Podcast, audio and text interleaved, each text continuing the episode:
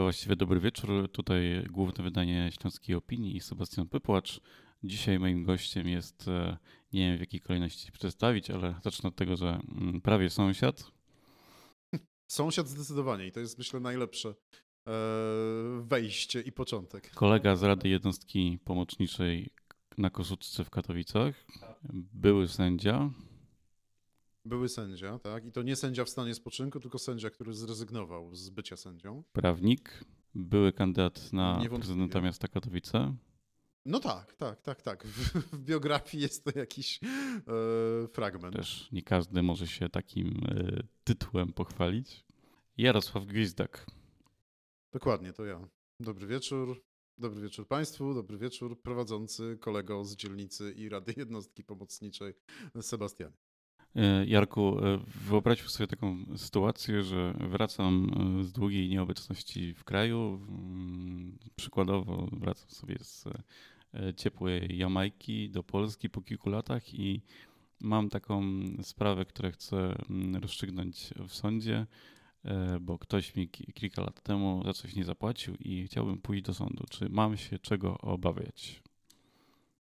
Słuchaj, ja myślę, że y, to by się faktycznie niewiele, niewiele by się mogło zmienić w Twojej sprawie. No, Że ktoś ci nie zapłacił e, i że powiedzmy jedna rozprawa była 5 lat temu, a kolejną masz, nie wiem, może jeszcze końcem grudnia, bo wtedy sądy przyspieszają. Wiesz co, ale jest jeszcze taka, taka, taka sprawa, ta osoba, która mi e, mm, jest winna e, pieniądze, mm, w ostatnich wyborach dostała się do Rady Miasta e, z ramienia e, Prawa i Sprawiedliwości. Czy to jakoś wpływa na, na tą sprawę? No znakomicie.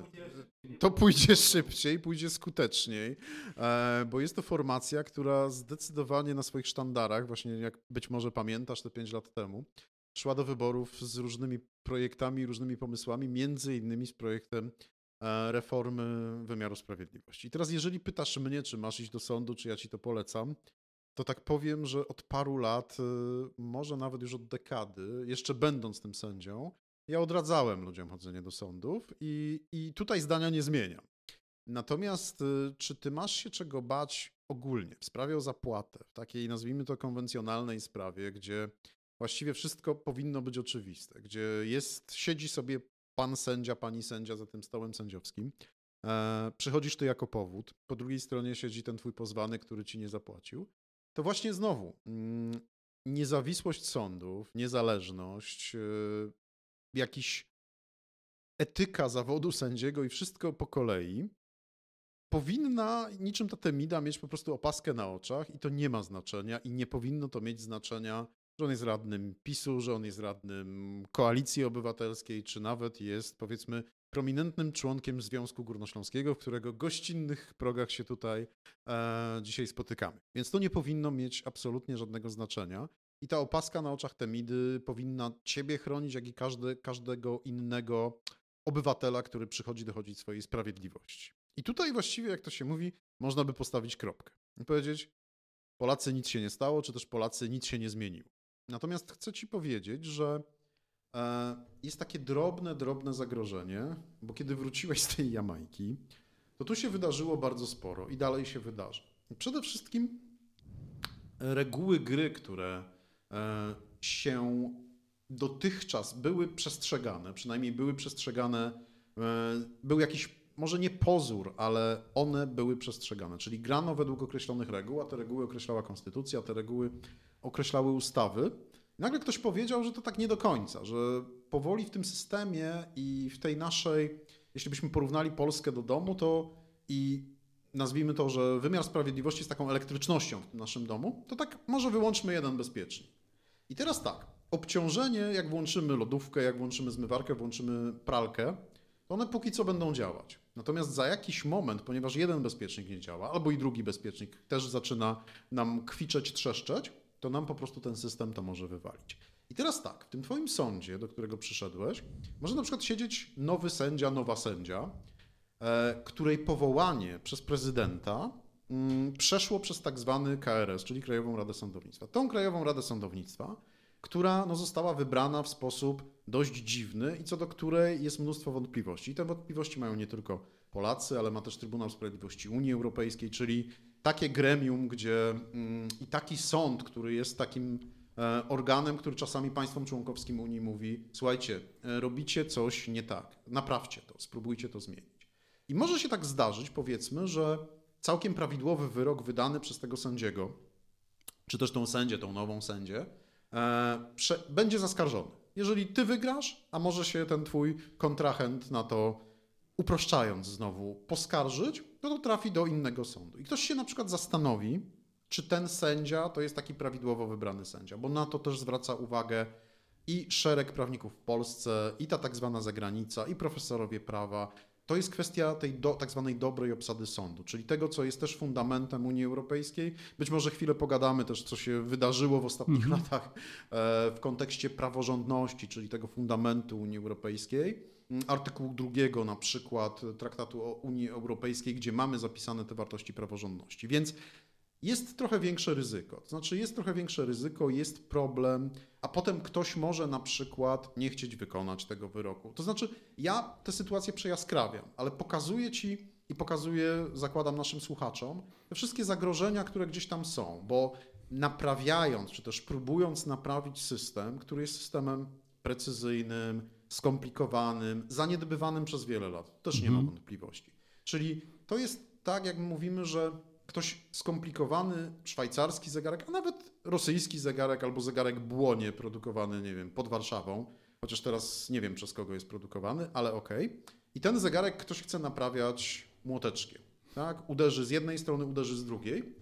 Ten zegarek w końcu przestanie działać. To jest jedna kwestia. Druga kwestia, no to wpływ spraw do sądu i też e, brak jakichś działań takich zaradczych, naprawczych.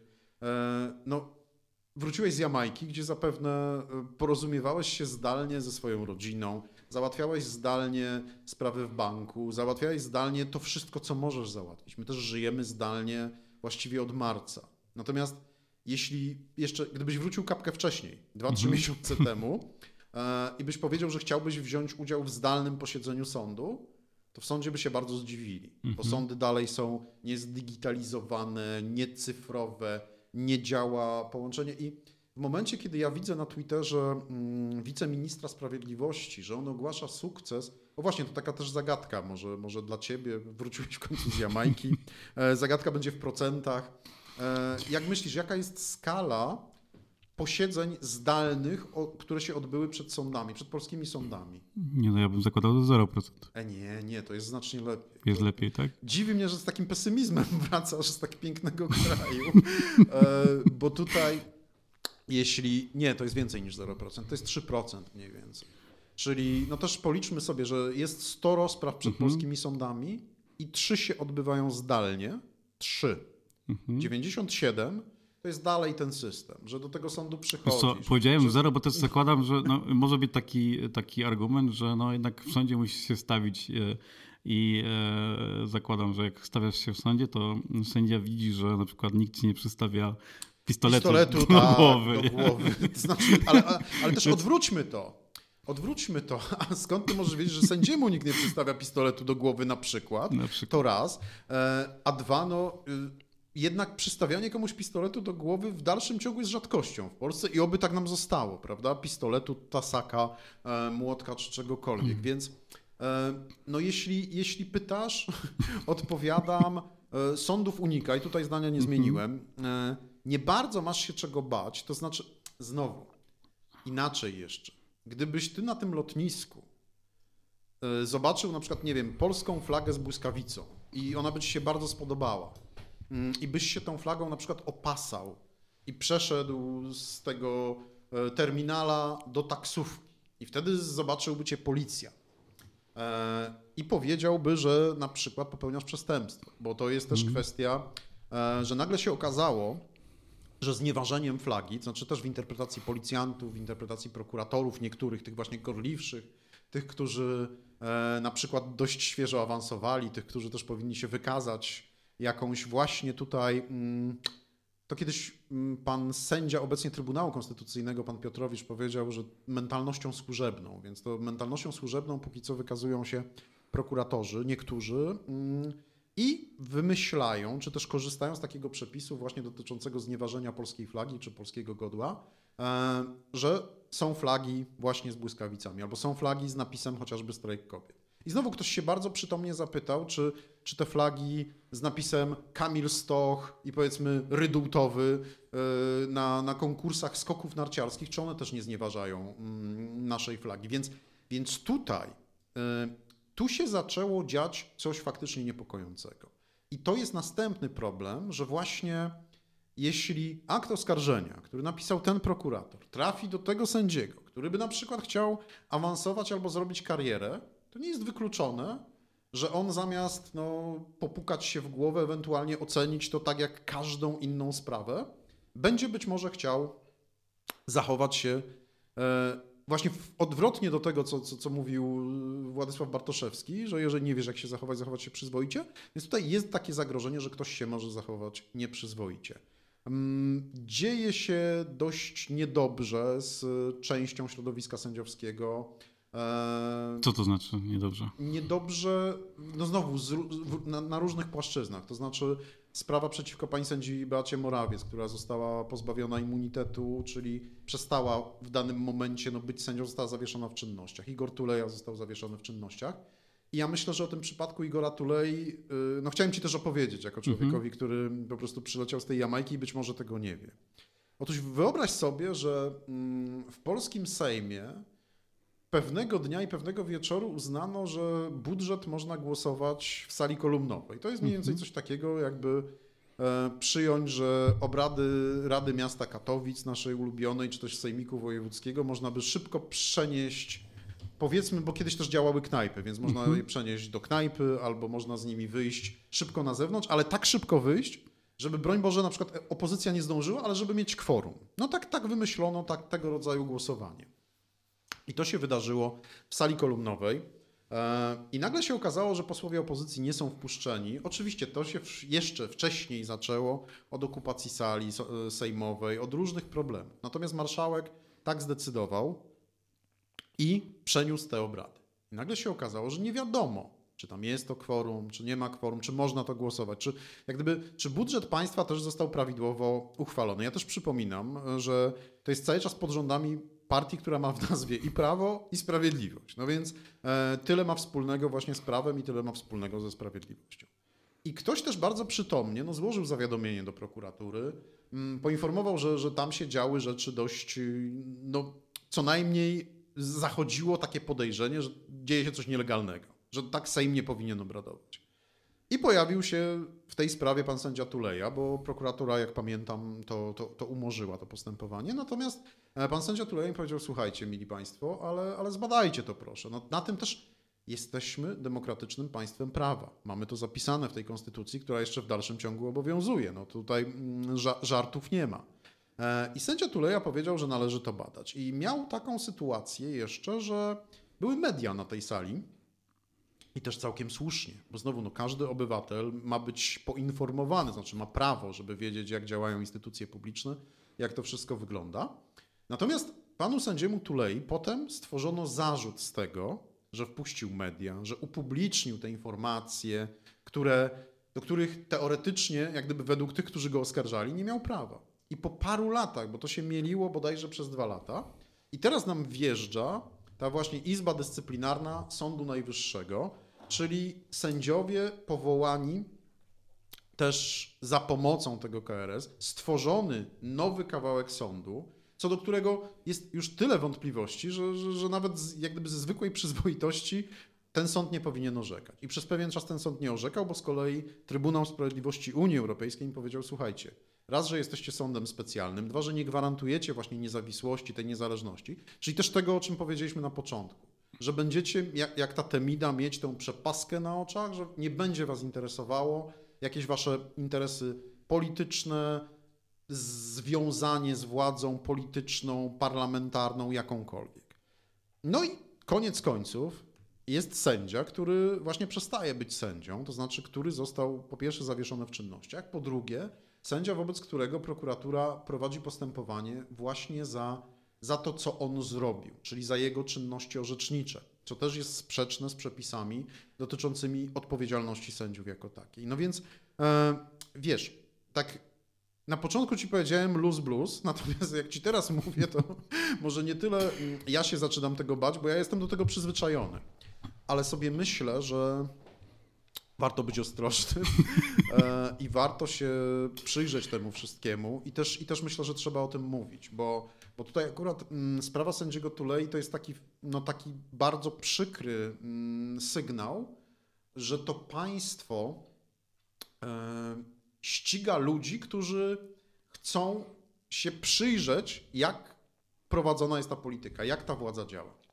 E, mówisz tutaj, że to jest właśnie taki sygnał, właśnie wymieniłeś kilka tych takich miejsc, w którym e, były takie sygnały alarmowe, coś się dzieje e, nie tak i i właściwie był taki okres, trochę on chyba już wygasł, że co miesiąc chyba opozycja mówiła, że jest zamach na demokrację i demokracja mhm. umiera. To jest koniec demokracji. Tak. Ten, tak, ten sąd upadnie, ta instytucja upadnie, to jest mhm. koniec demokracji. I tak Przeżyliśmy chyba z dwa lata takich protestów. Dwa lata co miesięcznych końców demokracji. Tak, nie? I, i, i, i ta demokracja się skończyła, czy, czy ten moment dopiero jeszcze nadejdzie?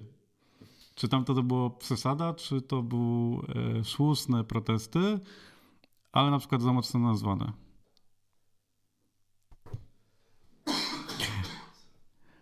Tutaj pan Jarosław wymiguje się od odpowiedzi. E, Dostał sygnał z centrali, że nie odpowiada na to pytanie. Nie, dostałem sygnał z centrali, tylko się po prostu zakrztusiłem. I to bez, bez związku, bez związku mhm. z e, treścią twojego pytania. Ja się też nad tym zastanawiałem, że ogłaszaliśmy ten koniec demokracji, bo z jednej strony wyobraźnia tych, którzy ten koniec demokracji ogłaszali, nie sięgała tak daleko jak twórcza inwencja mhm. władzy. A poza tym władza próbowała znaczy ja mam akurat z tym mam problem, bo no. mi się wydaje, że ja jako jedyny przeczytałem program Prawa i Sprawiedliwości. Mm -hmm. Nie ten ostatni, ale ten no. jeszcze wcześniejszy. Ten na 2010? Czy... Tak, chyba tak. No, no on się ten... nie zmienił potem w tym, tym pomiędzy. Mm -hmm. On się zmienił przed tymi ostatnimi wyborami, bo doszły te programy już na socjalne. prezydenckie był program, gdzieś tak. 2015 i ten parlamentarny. Tak, no. tak, tak, tak. I tam wszystko to, co się działo, było rozpisane dokładnie, dokładnie krok po kroku. Tam parę scenariuszy Nawet to, co teraz będzie się działo, właściwie się dzieje z mediami. Z mediami, z mediami też tam było repolonizacja na przykład. Wymyślone już dawno temu. Jak najbardziej, tak. To, to było wymyślone i to było przewidziane, tylko gdzieś tam był taki opór na zasadzie, e nie, tego nie zrobią, tego też nie zrobią, a na to się nie poważą, a oni się tak poważali i, i wszystko. Znaczy, ja w, przy takich pytaniach e, cytuję jedną z moich ulubionych scen z polskich filmów. To jest film Wielki Szu. Mhm. To jest film Wielki Szu z Janem Nowickim, film o szulerze. Nie wiem, czy jeszcze teraz się w ogóle mówi szuler, bo teraz jest chyba trudno oszukiwać w grach. Znaczy, cheatuje się. Tak. W grach się cheatuje. Natomiast w grach karcianych można było być szulerem, że tam mieć te karty znaczone, nacięte i tak dalej, i tak. Jest taka scena, jak on, Jan Nowicki właśnie, uczy Krzysztofa Pieczyńskiego oszukiwać, chociaż niby Krzysztof Pieczyński jest przekonany, że potrafi oszukiwać. I oni grają tą partię w karty. I oszukuje Nowicki, ale oczywiście oszukuje e, też Pieczyński. Nowicki rzecz jasna wygrywa, bo jest w końcu wielkim, jest wielkim szulerem. I tak jak przegrywa te pieniądze mm, i przegrywa tę partię, to Krzysztof Pieczyński tak się dość zapowietrza i mówi, ale, ale jak to się stało? No co Jan Nowicki mówi, graliśmy uczciwie. Ja oszukiwałem, ty oszukiwałeś, wygrał lepszy. I nie zarzucając oczywiście żadnej z partii, których po prostu e, naczelną dewizą i, i sposobem działania jest krystaliczna uczciwość i wykorzystywanie jedynie legalnych środków do wszystkiego, mhm. rzecz jasna. Tu oczywiście ironizuję. No to z jednej strony opozycja myślę, że nie miała świadomości albo nie przyjmowała do wiadomości właśnie tego, że w tym programie to jest zapisane, że gdzieś tam mamy te wzorce węgierskie, a Węgrzy mają z kolei wzorce tureckie. Mnie się zdarzyło brać udział w e, takim webinarze właśnie z sędziami tureckimi i i tam ja powiedziałem, o, ja jestem byłym sędzią. Oni powiedzieli, a my wszyscy jesteśmy byłymi sędziami, byłymi prokuratorami, tylko że oni to są ludzie, którzy, tam na przykład sędziowie trafili do więzień. Mhm. Tam sędziowie, część z nich musiała po prostu uciekać, e, opuścić, uchodzić e, z tej Turcji. Więc gdzieś tam mamy ten scenariusz też węgierski, gdzie no, węgierscy sędziowie już też są, to już jest tam jest pozamiatane. U nas w dalszym ciągu chyba nie, ma, nie, nie jest to pozamiatane, bo, bo jest opór środowiska. Natomiast wymontowywanie tego i właśnie realizacja tego planu, tak, że podporządkowanie mediów, że też to, to, co, to, co się stało z Krajową Radą Sądownictwa, też było zapisane w, w programie PiSu. Te pomysły na Trybunał Konstytucyjny i to, że rząd ma rządzić i nikt nie ma przeszkadzać, i że właśnie my jesteśmy to wielki Jarosław, czyli, czyli prawda, ojciec obecny narodu, mówiący, że trzeba zerwać z tym imposybilizmem prawnym, czyli ten imposybilizm, że tak się przygląda tym wszystkim przepisom i że to, że to jest to takie nie da się, ale takie nie da się oparte jednak na pewnym przemyśleniu, nie da się, które jest mimo wszystko ugruntowane w prawie, a tutaj on mówi, no nie, no nie, no nie, to, to my możemy obradować w nocy, my możemy, to jest kwestia i regulaminu Sejmu, i sposobu w ogóle legislacji, czyli przyjmowania ustaw. Dobra, zrobimy pierwsze czytanie, drugie czytanie, teraz jest trzecie czytanie. To jest jakieś tam obcinanie debaty, bo to ma być szybko. Więc pytanie, gdzie jesteśmy na jakimś takim mierniku demokracji, no to się trochę od takiej klasycznej demokracji odsuwamy. Czy jesteśmy już w jakimś takim poważnym autorytaryzmie? Myślę, że jesteśmy w demokracji w kryzysie, która znowu troszkę zmierza ku autorytaryzmowi, a a troszkę się może obroni. Natomiast trudno mi wymyślić, czym się jeszcze może obronić. A nie jest to tak, że po prostu e, Prawo i Sprawiedliwość, to po prostu Jarosław Kaczyński pokazał nam, że mm, no bo on o zmianie konstytucji, o czwartej RP i o nowej Polsce mówi już od e, dawna. E, nie, nie jest tak, że on po prostu nam pokazał, że ta konstytucja i te instytucje, które mm, trzecia RP zbudowała są po prostu słabe i, i, i, w tym punkcie może mieć rację, że po prostu mhm. trzeba je zmienić? To są znowu dwie, dwie kwestie, bo on je tak trochę zmienia przez działanie. To jest znowu rozpoznanie bojem. Znaczy, to jest hmm. pokazanie, jak jeszcze tą gumę można naciągnąć. E, to też można by porównać do, do tego, że jedziemy autem i zapalają się jakieś kontrolki. I to też jest czasem tak, że zapali się żółta kontrolka i to są rzeczy różne, tak? Nie działa ci system ABS, czyli będziesz dłużej hamował, ale nie wiem, skończył ci się płyn do spryskiwaczy, no dobra, trudno, możesz czegoś nie widzieć, ale powiedzmy w momencie, kiedy temperatura oleju wzrosła albo przestał ci działać e, jakiś systemów dla be bezpieczeństwa jazdy, powiedzmy ABS ci nagle nie działa, i właśnie z tym hamowaniem jest problem, no to to jest Twoja decyzja, bo jeżeli jedziesz w deszczu, jeżeli jedziesz po śliskiej nawierzchni, to może lepiej zjechać do tego serwisu i zacząć coś naprawiać, mhm. niż pomyśleć, że to się uda. Czyli naszemu ustrojowi zapaliły się kontrolki. E, temu pojazdowi, którym jak gdyby tak obrazowo mówiąc się, się gdzieś tam poruszamy, te kontrolki się palą od dłuższego czasu. I za kierownicą siedzi Jarosław Kaczyński, który mówi, ale przecież to jedzie. Tylko znowu, to jest pytanie, czy my jedziemy na Białoruś, czy tam powiedzmy, nie wiem, do Azerbejdżanu przez Białoruś, czy raczej uda nam się pojechać do Niemiec, do Francji, nawet, nawet do Czech, czy na Słowację, czy, czy, czy powiedzmy do Austrii. To, to jest pytanie, dokąd jedzie to auto. Czy to było nieskuteczne? Znowu, mm, nasza konstytucja mm, jest paradoksalnie konstytucją dość nowoczesną. Znaczy, to jest konstytucja, gdzie mamy na przykład zapisane obowiązek troski o E, atmosfery ekologicznej troski. To jest bodajże artykuł 86, gdzie każdy ma taki obowiązek troszczyć się o stan czystego powietrza. I też możemy odwrócić e, to pytanie, mówiąc, no, no jak, jak realizujecie ten obowiązek? Czy, czy paląc e, w piecach, czy właśnie z niską emisją, z tym wszystkim, czy wypełniacie tę konstytucję, że, że to nie jest Jarosław Kaczyński, który mm -hmm. łamie, jedyny, prawda? Który, mm -hmm. Który łamie tę naszą konstytucję. Konstytucja nasza ma piękną preambułę, która ma w założeniu łączyć. Konstytucja mm, jest. Ona mnie jako mnie, Jarosławowi Gwizdakowi, ona się raczej podoba niż nie podoba. Ona nam też daj, daje mnóstwo różnych wolności. Możemy robić to, możemy to, możemy się gromadzić, możemy się stowarzyszać. Mamy prawo dostępu do informacji publicznej, mamy prawo do informacji też o działaniach władz i tak dalej, i tak dalej. Nakłada na nas kilka obowiązków.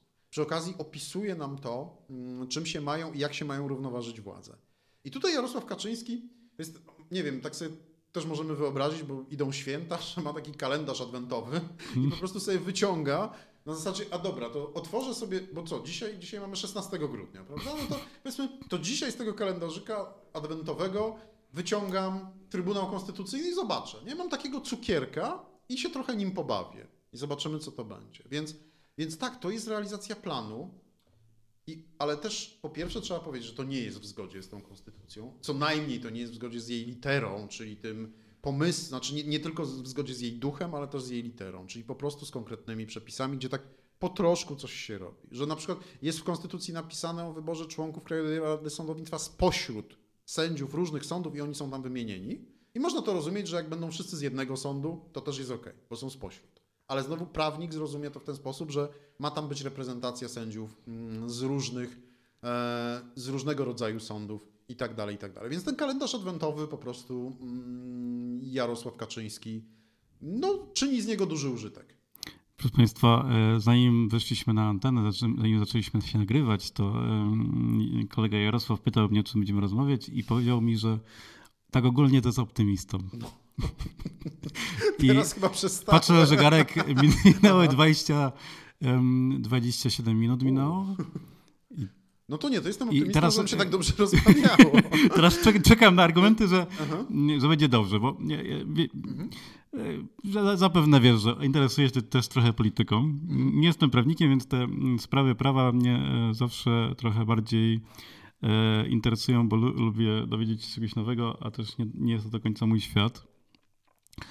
Ale z tego, co ja rozumiem, to w, przyjmując taki e, wirtualny scenariusz, że kiedyś wygrywa opozycja, mhm. kimkolwiek ona będzie w tym, tak. tym, tym przypadku. Po pierwsze, niech ona będzie. I, kimkolwiek. Po niech będzie, a po drugie, niech wygra. Jasne. No chyba, że Konfederacja to. No właśnie. Zawsze może być gorzej. E, I załóżmy, że ona wygra i będzie chciała przywrócić jakiś porządek prawny, odbudować tę instytucję. Mm. Czy nagle okaże się, że na przykład to wszystko, co wydarzyło się pomiędzy, nie wiem, ktoś został skazany, był ten e, nie do końca mm, uchwalony budżet, sąd, budżet, sądy. Mm, mm, Czy teraz nagle przyjdzie ta nowa władza i stwierdzi, że my to wszystko kasujemy, tych wszystkich ludzi zwalniamy i, i co robimy? Robimy to samo, co Jarosław e, Kaczyński, no czyli powołujemy swoich ludzi. E, tak, to jest super pytanie i to jest takie jedno z większych ćwiczeń intelektualnych i, i wyzwań, e, które no myślę, że powinny być rozwiązywane przez opozycję jak gdyby codziennie rano. Codziennie mhm. rano trzeba się zastanowić, co zrobić. I z jednej strony jest taka opowieść o chirurgu, mm, który ma pacjenta, któremu się źle zrosła złamana ręka. Mhm. I jedynym wyjściem dla tego chirurga jest złamać tę rękę jeszcze raz, mhm. po prostu. I potem ją nastawić i złożyć. Natomiast prawnicy chirurgami nie do końca są, i, ale też czasami może nimi, nimi bywają. Więc jeden ze scenariuszy jest taki, że mówimy, dobra, ponieważ my, znaczy robimy to też z, pe z pewną premedytacją w tym mhm. momencie, bo to trzeba komunikować. To musi być bez ściemy, że chcemy coś, że będzie lepiej. Tylko trzeba powiedzieć tak zostały naruszone takie a takie mm, sytuacje, takie a takie przepisy, wszystko po kolei. My je też naruszymy, ale w szczytnym celu, żeby przywrócić to, co jest, czyli przywrócić państwo prawa w takim kształcie, w jakim ono było. I to jest pierwsza opcja, bardzo mocno dyskusyjna. Druga opcja jest opcją taką pośrednią, bo to jest ta zwana sprawiedliwość przejściowa, naprawcza okresu, którym przechodzimy. Tak się działo na przykład w RPA, czy tak się działo też trochę po, po komunizmie, że właśnie wracamy do Twojej sprawy, mhm. która powiedzmy, Ty ją, o, okej, okay, Ty ją wygrałeś, mhm. ale ten Twój przeciwnik powiedział, haha, ale ten sędzia to wcale nie był sędzia i to nie był sąd. Mhm. I ten sąd w drugiej instancji zmienił ten wyrok, więc sprawę swoją przegrałeś. Mhm. I sobie myślisz, ej, ale to nie tak. Poza tym ja jako człowiek, ja cierpię, ja jako człowiek, jako obywatel, cierpię na tym bałaganie, który żeście zrobili. Cierpię na tym e, rozgardiaszu, na tym wszystkim, co jest. I teraz właśnie dla takich ludzi jak ty, wróci, który wrócił z Jamajki i ma tę swoją sprawę, mm, będzie możliwość, otworzy się takie okienko, nazwijmy to okienko transferowe, w którym będzie można właśnie, na, ale też na twoje żądanie, sprawdzić jeszcze raz, czy niezależnie od tego, że ten sędzia był jaki był, czy mhm. ten wyrok odpowiada prawu, czyli to jest taki, taki poziom weryfikacji, jeżeli chodzi o obywateli, bo to jest też mhm. strasznie ważne. bo w momencie, w którym jest 18 milionów spraw, które wpłynęło do sądu mm, w 2019 roku, w 2020 to pewnie będzie porównywalna liczba. Więc i, czyli jeśli mówimy o przestrzeni 5 lat, to to idzie w jakieś 70 milionów lekko licząc. Więc wywrócenie wyroków i w ogóle rozstrzygnięć w 70 milionach spraw to jest koszmar. To jest koszmar, bo w tym momencie wszystko przestaje działać i, i to już nie jest bezprawie i niesprawiedliwość, tylko to jest, to jest jakiś totalny, totalny chaos. Więc to też nie może być takie z automatu i wszystko. Czyli może się to zdarzyć właśnie mm, na, na żądanie i trzeba mieć taki pomysł.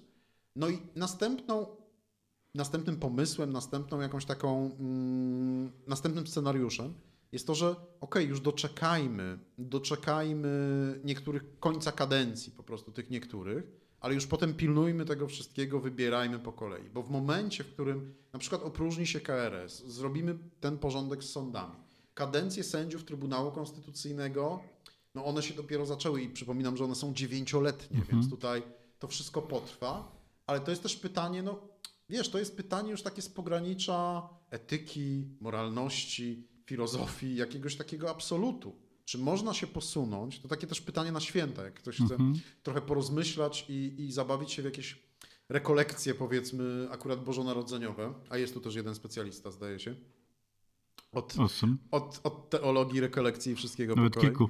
O, na pewno, na pewno jest ich kilku.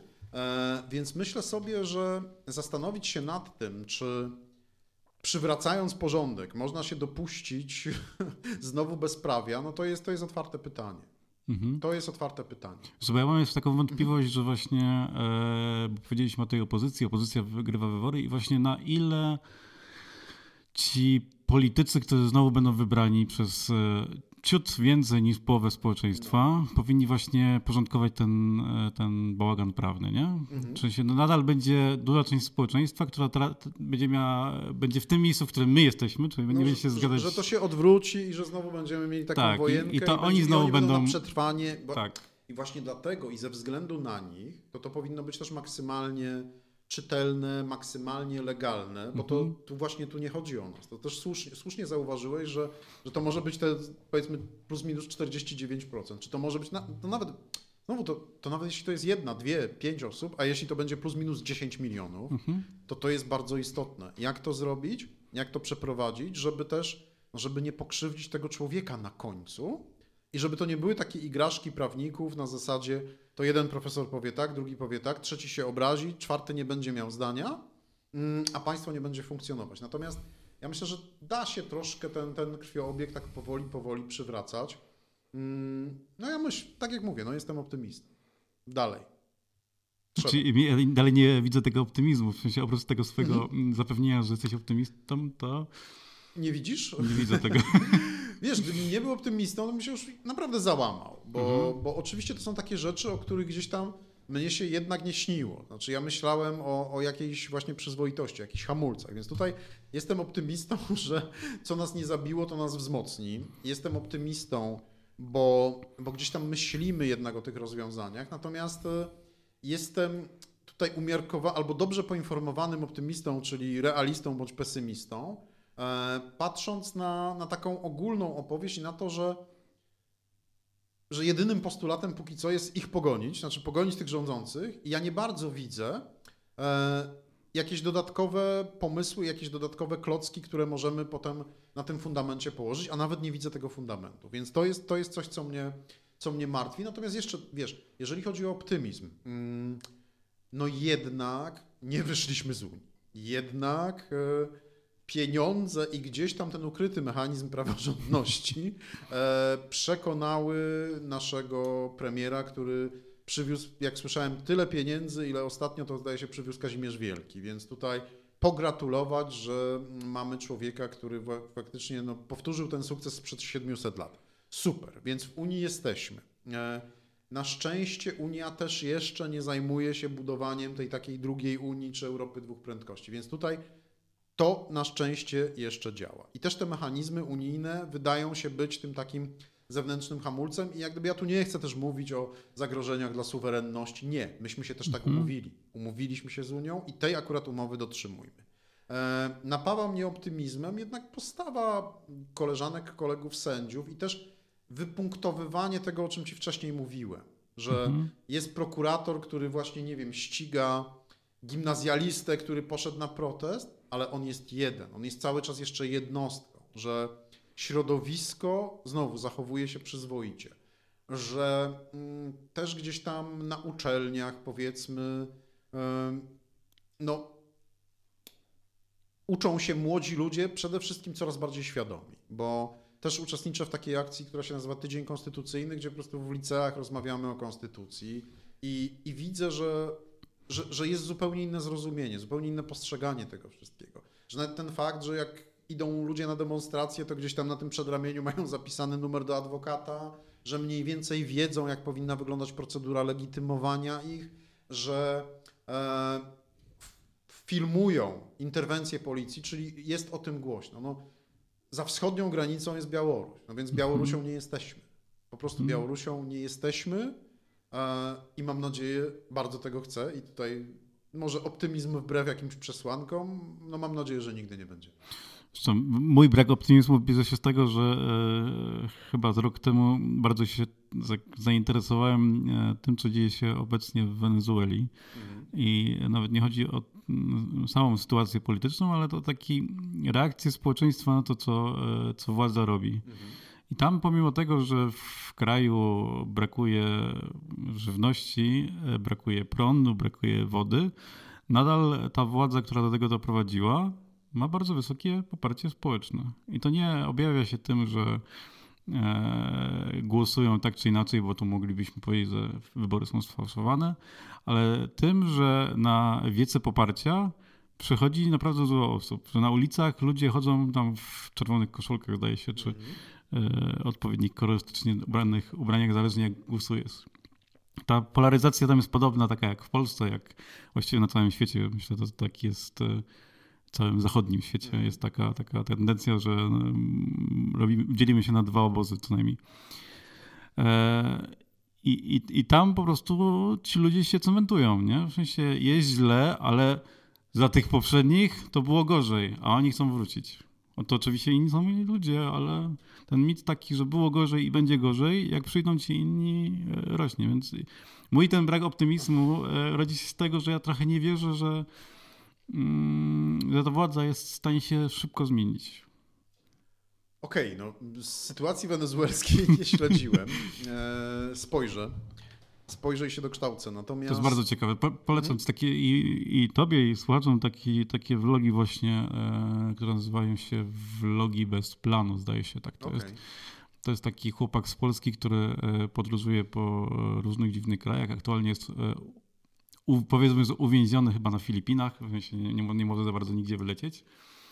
I przemieszkał w Wenezueli e, z przerwami kilka lat. I właśnie obserwował, jak ten kraj się degenerował. I polecam sobie obejrzeć okay. kolejne, e, z kolejnych, kolejne, kolejne, kolejne sezony z kolejnych lat, bo to jest Aha. bardzo ciekawy proces, jak radykalizują się społeczeństwo, a sytuacja w kraju jest e, coraz gorsza.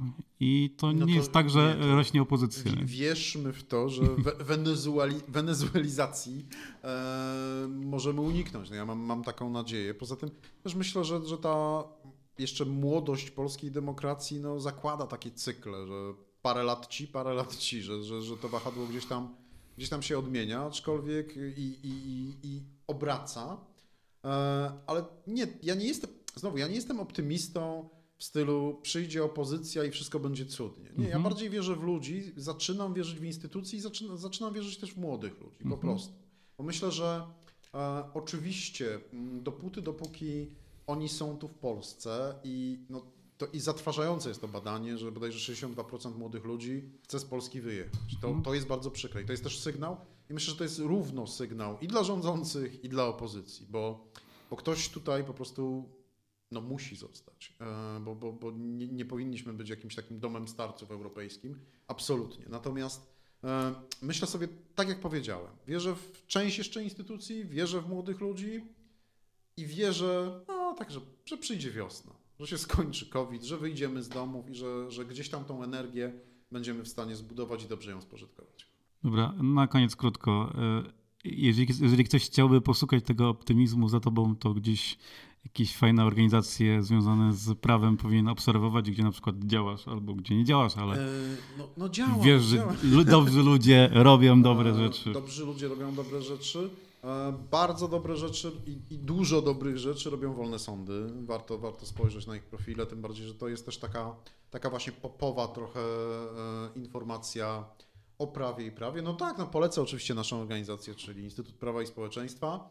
E, Troszkę, nie, znaczy troszkę i niestety działamy może za bardzo ekspercko i za bardzo w takiej bańce, ale ja raz na czas staram się e, w jakieś takie popularyzacyjne i, i, i takie popowe e, klimaty uderzać, więc tutaj polecam INPRIS, Instytut Nawet Prawa i Społeczeństwa. w tym tygodniu był taki wykład twój z Adamem Bodnarem, On tak? był Co rozmowa. półtorej godziny temu. Przyznam się, że nie słuchałem, ale mam ją zapisaną, Był bo... półtorej godziny temu, rozmawialiśmy o filmach, książkach, komiksach Dokładnie. e, i o prawie, więc, więc też staramy się jakoś to mm, w ten sposób e, przemontowywać. Warto patrzeć na Helsińską Fundację Praw Człowieka, warto patrzeć na Amnesty International, bo to jest też taki kon- kontekst e, międzynarodowy.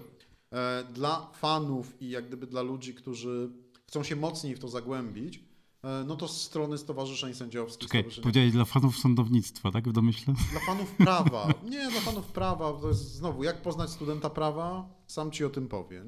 To, albo jak ktoś mówi na, na pogrzebie, jak prawda, ten prowadzący uroczystość pyta, czy ktoś chce jeszcze coś powiedzieć i młody człowiek podnosi rękę i mówi, tak, tak, ja studiuję prawo. No więc e, dla tych, którym jeszcze nie dość tego wszystkiego, e, to myślę stowarzyszenia sędziowskie, czyli Justicja, Stowarzyszenie Temis, Stowarzyszenie Prokuratorów Lex Super Omnia. Mm, No warto, warto się temu wszystkiemu przyglądać. Dla ludzi angielskojęzycznych mamy Rule of Law blog i jeszcze jest Verfassungsblog, Monitor Konstytucyjny, Obserwator Konstytucyjny. No jak kogoś to interesuje, to polecam. Postaramy się większość tych e, organizacji podlinkować albo oznaczyć e, w Znakomicie. opisie nagrania tej rozmowy, bo jak dobrze pewnie wiecie, to my tutaj rozmawiamy na żywo w Radiu Śląska Opinia, ale wszystkie nasze rozmowy są dostępne w formie podcastów w wszystkich aplikacjach podcastowych od Spotify, Apple Podcast, Google Podcast, ale chyba najłatwiej, jeżeli ktoś jeszcze się nie wkręcił w podcast, po prostu wejść na śląskaopinia.pl. Dziękuję Ci Jarosławie za tą rozmowę pouczającą. E, Nie będę kłamał, nie, nie, nie tchnąłeś optymizmu we mnie. Ja Raczej, pozostaję przy swoim. raczej będę się zastanawiał jeszcze, jeszcze nad tym, co, co, co to będzie. Mhm. E, ale liczę, że jak się spotkamy kolejnym razem, to, mm, to będziemy bliżej. Oby nie w Wenezueli. Chociaż spotykamy się, spotykamy się jutro. Spotykamy się jutro, zdalnie, tak jest. Tak, tak, bo obradujemy w naszej Radzie Jednostki Pomocniczej i chyba w tym miejscu też warto zaapelować, żebyście się angażowali w życie lokalnych społeczności. Zdecydowanie, próbujcie, drodzy Państwo. Znowu to się samo nie zrobi. My się też wiele uczymy i dla mnie jakimś takim, no tutaj zaczęliśmy właśnie od wysokiego C, od systemu, od tego wszystkiego. E, Chwilę porozmawialiśmy o konstytucji, natomiast no i samorząd, i takie miejsca, w których możemy, możemy działać, one chyba budują wspólnotę i one spowodują, że no znowu, że może Sebastian powie, że będziemy tą drugą Wenezuelą, a ja powiem, że właśnie dzięki tego typu instytucjom mamy szansę tego, te, tego uniknąć. Dobrze, dziękuję Ci i dobranoc Państwu. Bardzo dziękuję. Do usłyszenia.